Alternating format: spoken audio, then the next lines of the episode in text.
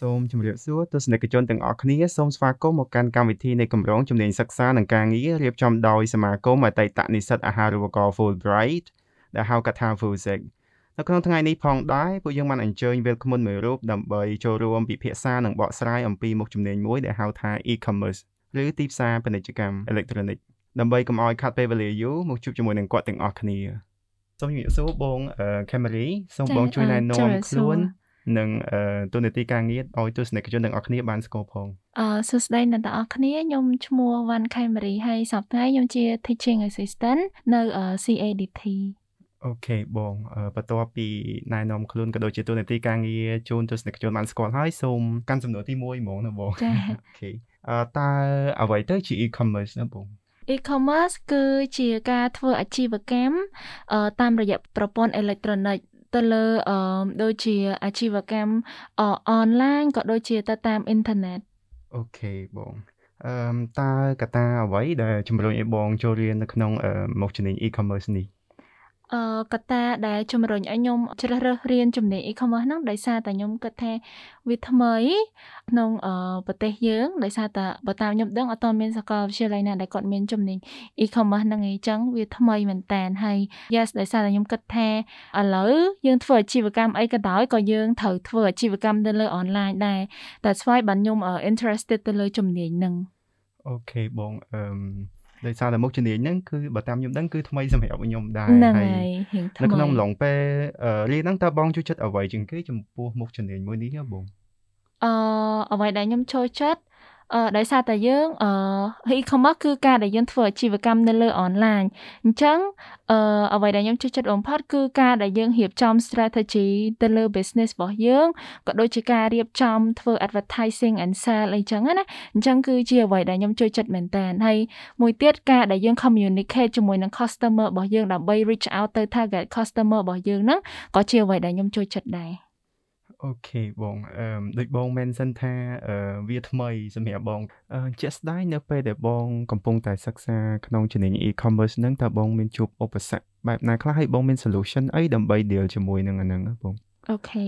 ឧបសគ្គមានច្រើនប៉ុន្តែ solution ក៏ស្រួលហៅវិញដែរព្រោះយើងអត់ពិបាកអីមិនចឹងយើងរៀនអីក៏ដោយវា សម័យឥឡូវយើងអឺមាន Google មាន YouTube មានអីស្រាប់ហើយហើយមានទាំង social media មានទាំងអីទៀតចឹងអឺវាអត់ពិបាកសម្រាប់យើងទេគ្រាន់ថាជាដំបូងយើងអាច struggle មួយ problem នឹងមកផ្លែតែអឺយើងរៀនយើងបើរៀនអាចនិយាយថាអឺ បងមាន quote ខ្លួនឯងមួយ Google is my best friend YouTube is my best friend កំឡុងពេលអញ្ចឹងណាអញ្ចឹង solution របស់បងហ្នឹងគឺបងអាសាចូល search Google អាសាចូលមើល YouTube អញ្ចឹងណាអញ្ចឹងវាជា solution មួយហើយជួយអឺបើថាបង្កើនគំនិតបងដោយសារយើងអាចនិយាយបានថា some some idea គេ implement ហើយតែគ្រាន់ថាគេនៅស្រុកគេអញ្ចឹងណាអញ្ចឹងយើង learn ពី idea គេហ្នឹងហើយយើងយកមក implement នៅស្រុកយើងវិញអញ្ចឹងទៅបាទបងបាទ អូខេបងដែលឃើញជាក់ស្ដែងនៅក្នុងបរិបទឥឡូវគឺជាបរិបទ COVID ទៅបងហើយអឺសិក្សានិស្សិតក៏ដូចជាសាលាគឺផ្ទាល់គឺត្រូវតែបិទសាលាដើម្បីជៀសវាងការរីករាលដាលកាន់តែធំទៅលើអឺវីរុស COVID-19 ហើយអញ្ចឹងទៅសិស្សសិក្សានិស្សិតក៏ត្រូវរៀនអនឡាញអញ្ចឹង បងមានជា solution អីឬក៏ advice អីដើម្បីផ្ដល់ទៅកាន់ពួកគាត់បើសិនបើពួកគាត់រៀន online ហើយពួកគាត់អត់បាន focus ដូចនៅក្នុងរៀនក្នុងថ្នាក់ផ្ទាល់បងអូខេអឺទី1កន្លែងហ្នឹងដូចយើងដឹងស្រាប់ហើយថាឥឡូវណាគេក៏គេនិយាយថាយើងត្រូវរៀនរស់មួយ COVID ដែរថាគាត់ព្រោះយើងអត់ដឹងថា COVID ហ្នឹងវាអឺបាត់ទៅវិញពេលណាអញ្ចឹងអឺ solution អឺដែលជួយពួកគាត់ហ្នឹងគឺយើងអត់មានអីច្រើនទេយើង try to encourage ពួកគាត់ព្រោះអីយើងអត់បានជួបគ្នានៅខាងក្រៅទេអញ្ចឹង ការរៀនការសិក្សាអីគឺទៅលើអនឡាញទាំងអស់អញ្ចឹងមានន័យថាយើង try encourage ពួកគាត់ឲ្យពួកគាត់ចូលរួមជាមួយនឹងយើងទាំងអស់គ្នាបើមិនជាអត់បើគាត់អត់ចូលរួមក៏យើងពិបាកដែរអញ្ចឹងបើយើងមានតែ encourage ឲ្យពួកគាត់ចូលរួមហើយការសិក្សាហ្នឹងក៏យើង encourage ឲ្យពួកគាត់បើកកាមេរ៉ាដែរដោយសារដូចបងបាន mention អញ្ចឹងណា in order យើងដឹងថាគាត់បានចូលរួមមួយពួកយើងអត់ហើយយើងដូចថាជាដោយសារតែជាគ្រូអញ្ចឹងយើងរៀនទៅលើអឺនៅលើអនឡាញអញ្ចឹងយើងអាសាមាន quiz ឲ្យពួកគាត់ដើម្បីស្ទាបស្ទង់តេស្តថាគាត់បានអឺអឺចូលរួមមួយយើងអត់ហើយគាត់បាន understand all of the lesson ដែលយើង taught គាត់អត់អីចឹងណាអញ្ចឹងអឺហ្នឹងហើយជា solution ដែលយើង ជួយពួកគាត់ក្នុងកំឡុងពេល covid ហ្នឹងបាទបងអឺនិយាយអញ្ចឹងបើសិនបើសិស្សនិស្សិតដែលគាត់ចាប់អារម្មណ៍នឹងចង់រៀនអឺ តើគាត់ត្រូវត្រៀមខ្លួនបែបណាដើម្បីចូលរៀននៅក្នុងមុខជំនាញ e-commerce នេះទេបង អឺខ្ញុំគិតថាការដែលធៀមខ្លួនហ្នឹងគឺអឺអាស្រ័យទៅលើចិត្តគាត់ទេថាទី1តើគាត់ចង់អឺរៀនជំនាញនឹងអត់តើគាត់មាន passion ទៅលើជំនាញ e-commerce នឹងអត់ហើយតើគាត់ជាមនុស្សមួយដែលវាថាមាន passion ទៅលើអឺគេហៅថា innovation ឬក៏ entrepreneurship ឬក៏គាត់មានជា business អីរបស់គាត់អញ្ចឹងតើគាត់ជាមនុស្សមួយដែលមានអាគោលគំនិតនឹងអត់អញ្ចឹងបើសិនជាគាត់ជាជាមនុស្សម្នាក់ដែលមាន passion ទៅលើរឿងទាំងអស់ហ្នឹងគាត់អាចចូលរៀន e-commerce នឹងបានអូខេបងអញ្ចឹងមានន័យថាបើសិនបើគាត់ into business ឬក៏អីគឺគាត់អាច មានទំនោរទៅកាន់ខាង e-commerce នឹងច្រើនអាចនិយាយបានថាចែកបងសុំបន្ថែមពីលើនឹងតិចអាចនិយាយបានថាពាក្យថា business some people think that business នឹងយើងអាចធ្វើជាលក្ខណៈ traditional business right ប៉ុន្តែ e-commerce នឹងដោយសារតែយើងយើងឥឡូវដោយសារតែយើងជាគេហៅថា industry 4.0អញ្ចឹងអ្វីៗក៏វាជា digital ដែរអញ្ចឹងបងគិតថា business ទាំងអស់យើងគួរតែ at least ក៏យើងមានជាថាធ្វើទៅលើ digital ដែរមិនអញ្ចឹងអញ្ចឹងបើសិនជាគាត់ជាមនុស្សម្នាក់ដែល interested in business at the same time ក៏ also interested ជាមួយនឹង digital គាត់អាចរៀនជំនាញនឹងបានអូខេបងបន្ទាប់ពីដឹងព័ត៌មានតកតងថាត្រូវធ្វើបែបម៉េចត្រៀមខ្លួនបែបម៉េចដើម្បីចូលរៀនមុខជំនាញ e-commerce នេះអឺនិយាយអញ្ចឹងបងមានមុខជំនាញហ្នឹងអាចមានផ្ដល់អាហារូបករណ៍ទៅដល់សិក្សានិស្សិតដែលគាត់ចង់ចូលរៀនហ្នឹងបាទបង Yes អឺ actually អានេះបងអាចនិយាយបានថាដោយសារតែបង work នៅក្នុងនៅសាលានៅឧត្តមគ្រឹះស្ថានឧត្តមសិក្សាមួយដែលហៅគាត់ថា CADT អញ្ចឹងនៅ CADT ហ្នឹងគឺយើងមានជាអាហារូបករណ៍សម្រាប់សិស្សយើងមានអាហារូបករណ៍សម្រាប់សិស្សដែលជាអាហារូបករណ៍ទេពកោសល្យ digital ដែលចូលជាមួយនឹងអាហារូបករណ៍អតិភិបនារីអញ្ចឹងអាហារូបករណ៍អតិភិបនារីហ្នឹងគឺវារៀងថ្មីបន្តិចបងគិតថា អាចថាសិតបងអត់ដឹងថាមានសាលាណាដែលគាត់មានអត់ទេតែគ្រាន់ថានៅខាងសាលាដែលបងធ្វើការហ្នឹងគឺគេផ្ដល់អតិភិបឲ្យនារីមានន័យថាបើសិនជានារីចាប់អារម្មណ៍ទៅលើជំនាញ digital ហើយចង់មករៀនជំនាញហ្នឹងយើង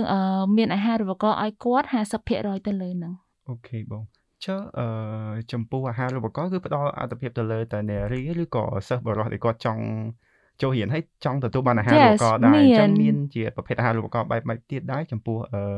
សិស្សនិស្សិតបរិសុទ្ធដែលគាត់ចង់រៀនផ្នែកហ្នឹងបងហ្នឹងហើយអឺអូខេមិញបងបាន mention story ហ្នឹងហើយអឺអញ្ចឹងកន្លែងហ្នឹងដូចបងបាន mention ថាអឺអាហារូបករណ៍ទេពកោសល្យទេពកោសល្យ digital ដែលចូលអញ្ចឹងវាជាអាហារូបករណ៍មួយសម្រាប់និស្សិតទាំងអស់យើងអត់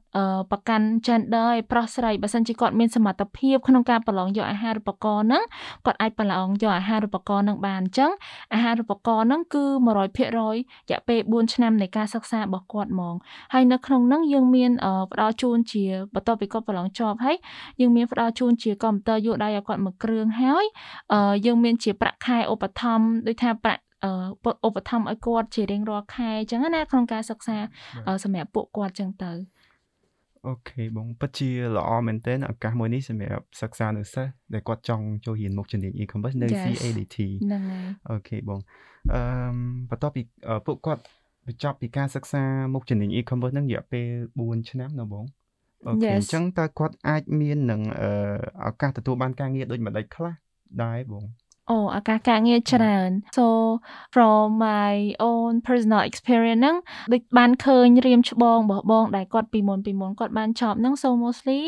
អឺយើងអាចធ្វើការងារបានច្រើនមែនតើមានអ្នកខ្លះទៅគាត់ខ្លះទៅជា entrepreneurship ចឹងទៅ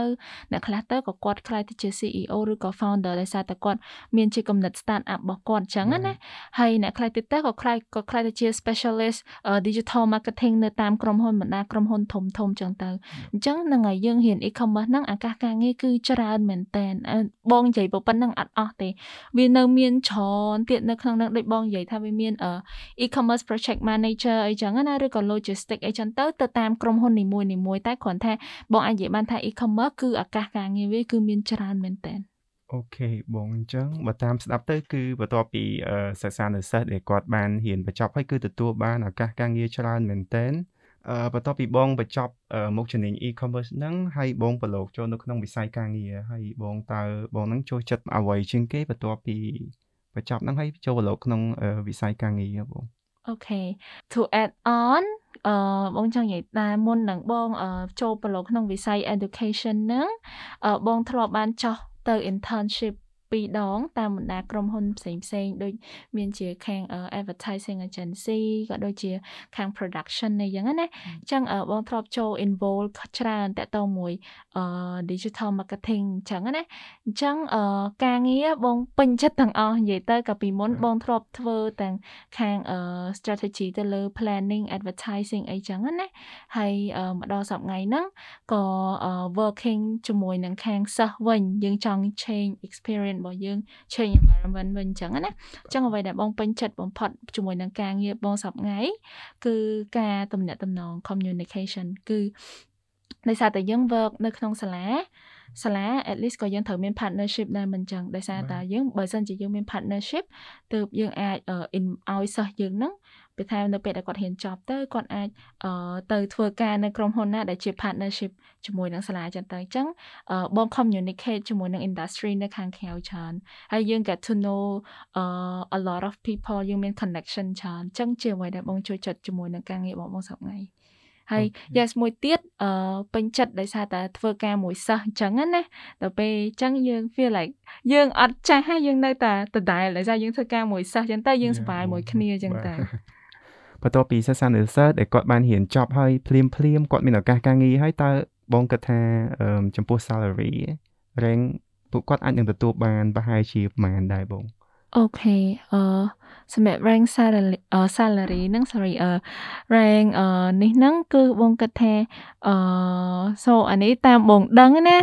អូខេបងក៏ដឹងថាខាងគេនឹងក្រៅមិនដែរតែគ្រាន់ថាអឺ from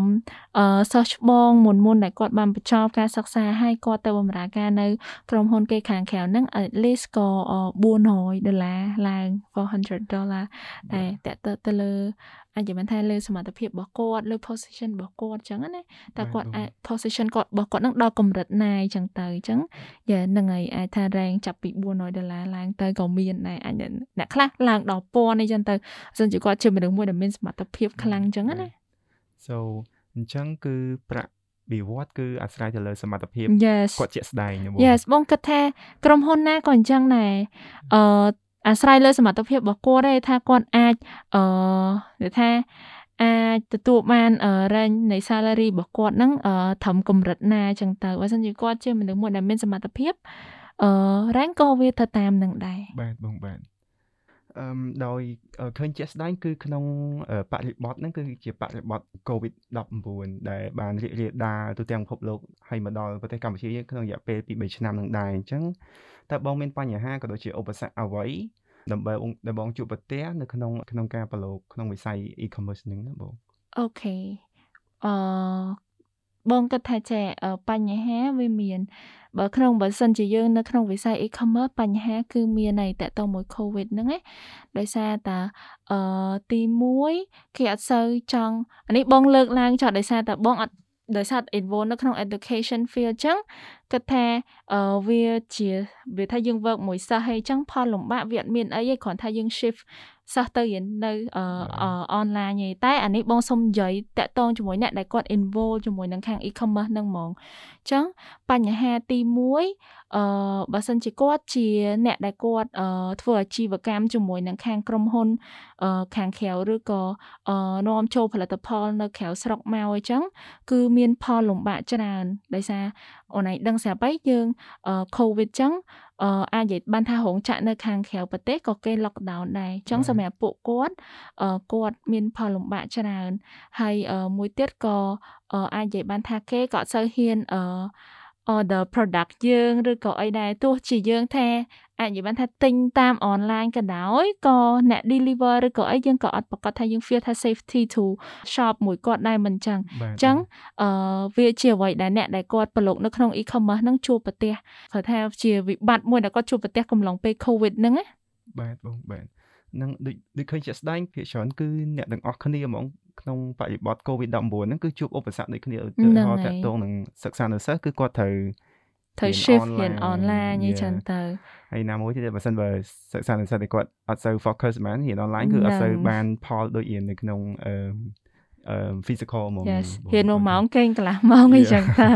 អូខេបងអញ្ចឹងខ្ញុំសូម move on ទៅសំណួរបន្ទាប់ទៀតចំពោះបកគលដែលគាត់ចង់ប្រឡូកនៅក្នុងវិស័យ e-commerce នេះតើគាត់តម្រូវត្រូវតែមានសញ្ញាបត្រ Bachelor Master ឬក៏ PhD ដែរទេបងអូ I think យើងអត់គិតរឿងហ្នឹងទេបងគិតថាអឺ it's not all about your degree right បងគិតថាបើសិនជាយើងមានមានជំនាញច្បាស់លាស់យើងមានដូចបងនិយាយមិនចឹងថា e-commerce វាជា business អញ្ចឹង business មិនប្រកាសថាមនុស្សតតែមាន degree ទើបគាត់អាចបង្កើត business របស់គាត់បានធ្វើអាជីវកម្មរបស់គាត់បានទេសំខាន់ ថាតើមនុស្សហ្នឹងគាត់មាន passion ទៅលើ business ហើយ digital អត់អញ្ចឹងបងអត់គិតថាតតមាន degree ទៅអាចប្រឡូកចូលតតមាន degree ទៅយើងអាចប្រឡូកចូល e-commerce នឹងបានទេបងគិតថាការងារផ្សេងផ្សេងទៀតកន្លែងខ្លះក៏គេអត់គិត degree ដែរយល់អឺណៃគិតចឹងដូចបងអត់វាថា អឺបងគិតថាបើសិនជាមនុស្សយើងយើងមានថាជា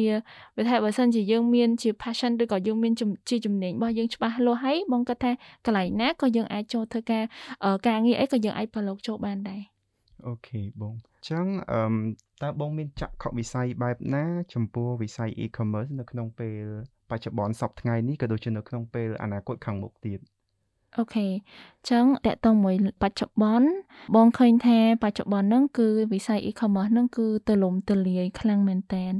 ហើយបងឃើញថាមានខាងបណ្ដាក្រុមហ៊ុនខ្លះចឹងគាត់បង្កើតជា competition សម្រាប់សិស្សឲ្យគាត់អ្នកដែលគាត់ creative អ្នកដែលគាត់មានជាកំណត់ចង់ start their own business their start up one uh, like involved in this field ហ្នឹងបងឃើញថាមានខាងក្រុមហ៊ុនផ្សេងផ្សេងគេ encourage លើកទឹកចិត្តពួកគាត់ខ្លាំងមែនតើអញ្ចឹងបងមានបងមានអារម្មណ៍ថាសប្បាយចិត្តនៅពេលដែលឃើញវិស័យ e-commerce បច្ចុប្បន្នហ្នឹងវាមានការរីករូតរាស់ឡើងអញ្ចឹងណាអញ្ចឹងបងសប្បាយចិត្តហើយបងសង្ឃឹមថាអនាគតទៅមុខទៀតវិស័យហ្នឹងនៅតែថា still the same as right now អញ្ចឹងទៅនៅតែរីករូតលាស់ឡើងហើយបងសង្ឃឹមថាបងប្អូនជំនាន់ក្រោយទៀតបើសិនជាគាត់មានជាគំនិត start up ឬក៏ផ្សេងផ្សេងចង់បង្កើត their own business អីចឹង like feel free to uh, implement វាចេញមកចឹងណាព្រោះបងមានអារម្មណ៍ថា some ពួកគាត់ខ្លះនៅ feel shy អត់ទាន់ហ៊ានទេហើយបងគិតថា it's good to ឲ្យពួកគាត់អឺវាថា experience in this ចឹងណាបើសិនជាគាត់មានជាកំណត់ហើយយ៉ាតទៅមុខទៀតទៀតបងគិតថាវានឹងវិស័យ e-commerce ហ្នឹងវានឹងរីករូត លាស់ខ្លាំងជាងនឹងទៀតហើយនឹងបងសង្ឃឹមថានឹងមាន a lot of um start up business អីផ្សេងផ្សេងទៀតអញ្ចឹងណាអូនយ៉ាបងអឺដោយឃើញជាក់ស្ដែងអឺការកើនឡើងនេះការលក់អនឡាញកើនឡើងខ្លាំងមែនទែនបងតើបងគិតថាវាអាចផ្ដល់ផលវិជ្ជមានឬក៏អវិជ្ជមានអីទៅដល់វិស័យ e-commerce ដែរអត់បងអូខេអឺសម្រាប់ក្នុងវិស័យហ្នឹងអឺវិជ្ជមានគឺ អឺ customer គាត់បាច់ចាំបាច់ទៅ shop នៅហាងទៀតទេគាត់គ្រាន់តែអង្គុយមកកន្លែង shopping online គាត់រវល់គាត់ពងធ្វើការងារអត់បានទៅណាអញ្ចឹងគាត់ shopping online បានអញ្ចឹងវាជួយសម្រួលដល់ពួកគាត់ត្រង់កន្លែងហ្នឹងអាហ្នឹងជា advantage អឺសម្រាប់ disadvantage បងគិតថាអឺដូចជាគាត់អត់បាន touch a product នឹងនៅក្រៅអញ្ចឹងណាអញ្ចឹងគាត់អត់ដឹងថាតើ អឺ quality វាមិនអីមិនទេអូនឯងអាសាឃើញថាពេលខ្លះមានអឺអ្នកខ្លះគាត់ review ថាអូ product នឹងអត់សូវល្អអីអីចឹងចឹងទៅដោយសារតែបងគិតថាទី1ដោយសារតែគាត់ shop online យើងអត់បានឃើញ product នឹងច្បាស់លាស់អីចឹងវាអាចធ្វើឲ្យថាពេលខ្លះទៅអឺ product នឹងវាចេញមកអា quality នឹងយើងអត់ពេញចិត្តទេអញ្ចឹងវាជា disadvantage មួយនៅក្នុងការនៅក្នុង e-commerce ហ្នឹង okay បង okay អឺដោយសារតែសំណួរដែលខ្ញុំត្រូវ ត្រៀមសួរបងដូចជាអស់ហើយតើបងមានអ្វីសំខាន់ចង់ add on បន្ថែមបន្ទាប់ពីអ្វីដែលបងអត់ទាន់ mention ប្រាប់ ទៅដល់ទស្សនិកជនអញ្ចឹងបង okay អឺអញ្ចឹងអឺអានេះជា message សម្រាប់អ្នកដែលគាត់ចង់អឺចូលប្រឡូកក្នុងវិស័យ e-commerce ហ្នឹងអញ្ចឹងទី1 feel free សម្រាប់ខ្ញុំខ្ញុំគឺចង់ឲ្យអ្នកទាំងអស់គ្នាដែលគាត់ feel shy ឬក៏អីហ្នឹង feel free to uh implement uh, your own business or startup if you have any idea អញ្ចឹងណាហើយ uh, yes be confident and អឺបើសិនជាយើងមាន passion ទៅលើនឹងហើយអឺ don't be shy and yeah involve with it ចឹងអូខេបងអឺដូចខ្ញុំជាក់ស្ដែងខ្ញុំគឺជាមនុស្សបែប introvert ហើយខ្ញុំឥឡូវនេះក៏ចាប់ផ្ដើមរៀនប្រភេទ business ដែរអាចនិយាយបានថាវាជាផ្នែកមួយនៃ e-commerce ដែរអញ្ចឹងណាបងតើបងអាចនិយាយបានថាមានជា advice អីទៅពួកគាត់ដូចជាគាត់ introvert មែនតើ Yes អញ្ចឹងបងគាត់ថាមានជា advice អីសម្រាប់ផ្ដល់ទៅឲ្យគាត់ ហើយណាមួយគាត់ចង់រៀនផ្នែកហ្នឹងអញ្ចឹងណាបងអូខេ so អឺខ្ញុំជាមនុស្សមួយដែល introvert ដែរតែគ្រាន់តែអឺឥឡូវមិនចឹងឯង introvert but extrovert right now so អឺហ្នឹងហើយពីមុនខ្ញុំក៏ជាមនុស្សដែលអត់សូវ communicate ច្រើនដែរប៉ុន្តែបន្ទាប់ពីអឺរៀន e-commerce ហ្នឹងទៅអឺរៀងនិយាយច្រើនដោយសារតែពេលរៀនគ្រូឲ្យ present អីចឹងណាអញ្ចឹងអ្វីដែលសំខាន់ ទី1សម្រាប់ពួកគាត់អត់មានអីច្រើនទេគឺចង់ឲ្យពួកគាត់ confident ហើយឲ្យពួកគាត់ feel free ថាទោះបីយើងវាថាបើសិនជាយើងអត់បញ្ចេញកំណត់អីសោះវាដូចថា យើងនៅស្ងៀមស្ងៀមអញ្ចឹងណាហើយយើងអត់បានចូលរួមមួយគេអញ្ចឹងទៅអញ្ចឹងកុំវាថា feel free to uh, share your own idea feel free feel free to talk with other people បើសិនជាយើងអត់និយាយច្រើនឬក៏អីច្រើនទេយើងអត់សូវមាន connection ទេអញ្ចឹងអឺបងគិតថាបើយើងនិយាយហើយទោះយើងមិននិយាយឬក៏យើងនិយាយខុសក៏គេមិនចាប់យើងតម្លាក់ទឹកដែរមិនអញ្ចឹងអញ្ចឹង feel free to uh, communicate with other people ហើយនៅពេលដែលយើង communicate ច្រើនអីច្រើនអញ្ចឹងទៅក៏វា build confidence យើងនៅក្នុងនឹងដែរបាទបងអឺជាទូទៅបើសិនបើចង់របៀបថាអឺហ៊ាន business ក៏ដូចជាចង់ធ្វើជា business នៅពេលអនាគតទៅគឺត្រូវមាន network ក៏ដូចជា connection ច្រើនបើសិនបើយើងអត់ចេះ communicate អត់ចេះមាន connection ជាមួយនឹងអ្នកដទៃគឺមានអារម្មណ៍ថាវាពិបាកខ្លាំងនៅក្នុងការ build business មួយព្រោះអីនៅក្នុងការ build business មួយគឺត្រូវមានផ្នែកច្រើនមែនតើត្រូវមាន connection មានដើម្បីមានភាពងាយស្រួលនៅក្នុងការ run business នឹងដែលចេះស្ដាយនៅបងត្រូវអឺព្រោះ business បើសិនជាយើងធ្វើ business យើងអត់មាន partnership ក៏អត់កើតដែរអញ្ចឹងហើយមុននឹងយើងមាន partnership ក៏យើងត្រូវ communicate មួយគេដែរដើម្បីឲ្យយើងខ្លាយទៅជា partnership មួយគ្នាអូខេ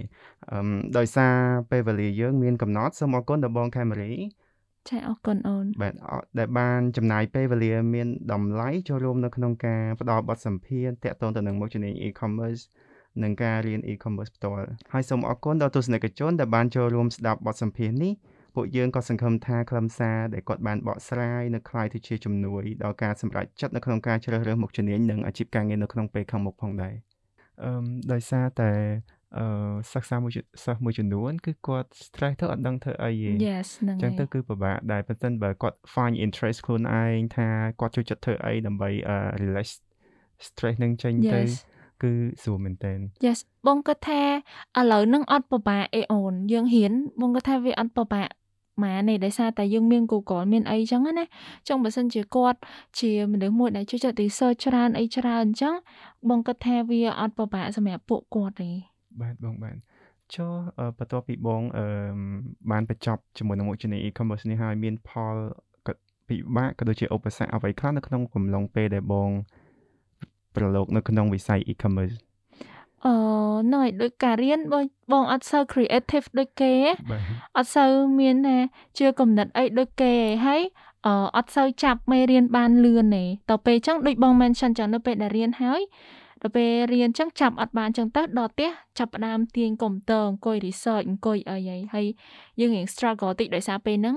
កាលហ្នឹងការប្រើប្រាស់ភាសាយើងអត់សូវបានល្អដូចគេទៀតការប្រើប្រាស់ភាសាយើងអត់សូវបានល្អអីចឹងវារៀង struggle ថងកន្លែងហ្នឹងដែរដល់ពេលយូរយូរទៅយើងអឺយើង search research ច្រើនអីច្រើនទៅក៏អឺអាថាដែលវាថា mindset របស់យើងឬក៏ការ knowledge របស់យើងហ្នឹងវា increase ទៅតាមអាការដែលយើង research ចឹងដែរហ្នឹងហើយបាទបងបាទអត់ដល់ឃើញជាក់ស្ដែងគឺឥឡូវគឺត្រូវការត្រូវចេះ research ត្រូវចេះអង់គ្លេសច្រើនមែនតើដើម្បីងាយស្រួលនៅក្នុងការរៀនក៏ដូចជាប្រឡូកនៅក្នុងវិស័យការងារគឺអង់គ្លេសគឺសំខាន់មែនតើសំខាន់មែនតើ okay បងបើសិនបើសិស្សានុសិស្សក៏ដូចជាបុគ្គលដែលគាត់បានរៀនបញ្ចប់ហើយឬក៏អត់ទាន់មានសញ្ញាបត្រទាក់ទងនឹង e-commerce តែគាត់មានជា idea សម្រាប់ start up business ប៉ុន្តែគាត់អត់ដឹងថាត្រូវធ្វើមិនបន្តទៀតគាត់មានតែ plan ទេតើបងគាត់ថាគួរតែផ្ដល់ជាយោបល់បែបណាចំពោះពួកគាត់តើបង okay អឺយោបល់ទី1ចង់ឲ្យគាត់ be confident ហើយ ទីទី2ទៀតអត់ខ្វះហេអ្នកដែរគេថាគេមានចាំធ្វើជាជំជួជំនួយជួយពួកគាត់អញ្ចឹងណាអឺដោយបងបានបាន mention យ៉ាងថាយើងមានជា បងឃើញថាឥឡូវហ្នឹងយើងមានកម្មវិធី start up ច្រើនរបស់ impact hub របស់អឺ smart អីចឹងទៅគាត់អាច involve ចូលទៅក្នុងនឹងបានអញ្ចឹងណាគាត់អាចអឺតាក់ត pitch តាក់តជាមួយនឹង start up របស់គាត់អីចឹងទៅអញ្ចឹងយ៉ានឹងជាអ្វីដែលបងគិតថាមានជាយោបល់របស់បងសម្រាប់អ្នកដែលគាត់មានជាកំណត់ហើយហើយគាត់ចង់ involve អញ្ចឹងណាបាទបងបាទអឺបើសិនខ្ញុំគិតថាបើសិនបើគាត់ចង់បង្កើតជា business ឬក៏ចង់ធ្វើអីដែលមានជា specific សម្រាប់គាត់ហ្មងគឺខ្ញុំគិតថាអឺជំនាញគ្រឹះពិតជាសំខាន់មែនទែនអញ្ចឹងគាត់គួរតែត្រូវរៀនជំនាញគ្រឹះដើម្បីងាយស្រួលនឹងគាត់នៅពេលថ្ងៃក្រោយ ធ្វើជា business man អីចឹងហ៎បងអូខេអាហ្នឹងបងគាត់ថាវា make sense តែគ្រាន់តែអឺពេលខ្លះអឺបើសិនជាគាត់មានបើសិនជាយើងនិយាយថាមានមនុស្សខ្លះគាត់ឆ្លាតចឹងណាគាត់ឆ្លាតចឹងគាត់អាចថាអូខេយើងមិនបាច់ចាំបាច់អឺចាំបាច់ដកចូលសាកលវិទ្យាល័យតមានគ្រឹះមានអីបានយើងអាច involve មួយការងារហ្នឹងឬក៏យើងអាច open អា business របស់យើងនឹងបានទេបើសិនជាគាត់ជាមនុស្សមួយឆ្លាតគាត់មានគំនិតគាត់ confident បងគិតថា it's good to go សម្រាប់ពួកគាត់អូខេបងដោយសារពេលវេលាយើងមានកំណត់ខ្ញុំសូមអរគុណដល់បងខេមរីដែលបានចំណាយពេលវេលាចូលរួមនៅក្នុងការផ្តល់បទសម្ភាសន៍ដូចក៏ដូចជាបកស្រាយទាក់ទងនឹងការរៀន e-commerce និងអាជីពការងារផ្ទាល់ហើយក៏សូមអរគុណដល់ទស្សនិកជនដែលបានចូលរួមស្ដាប់បទសម្ភាសន៍ហើយក៏សង្ឃឹមថាខ្លឹមសារដែលគាត់បានបកស្រាយខ្លាយទៅជាជំនួយដល់ការសម្រេចចិត្តនៅក្នុងការជ្រើសរើសមុខជំនាញរៀនក៏ដូចជានៅក្នុងអាជីពការងារនៅក្នុងពេលខាងមុខផងចា៎បាទ សូមអរគុណទស្សនិកជនទាំងអស់គ្នាចា៎សូមអរគុណ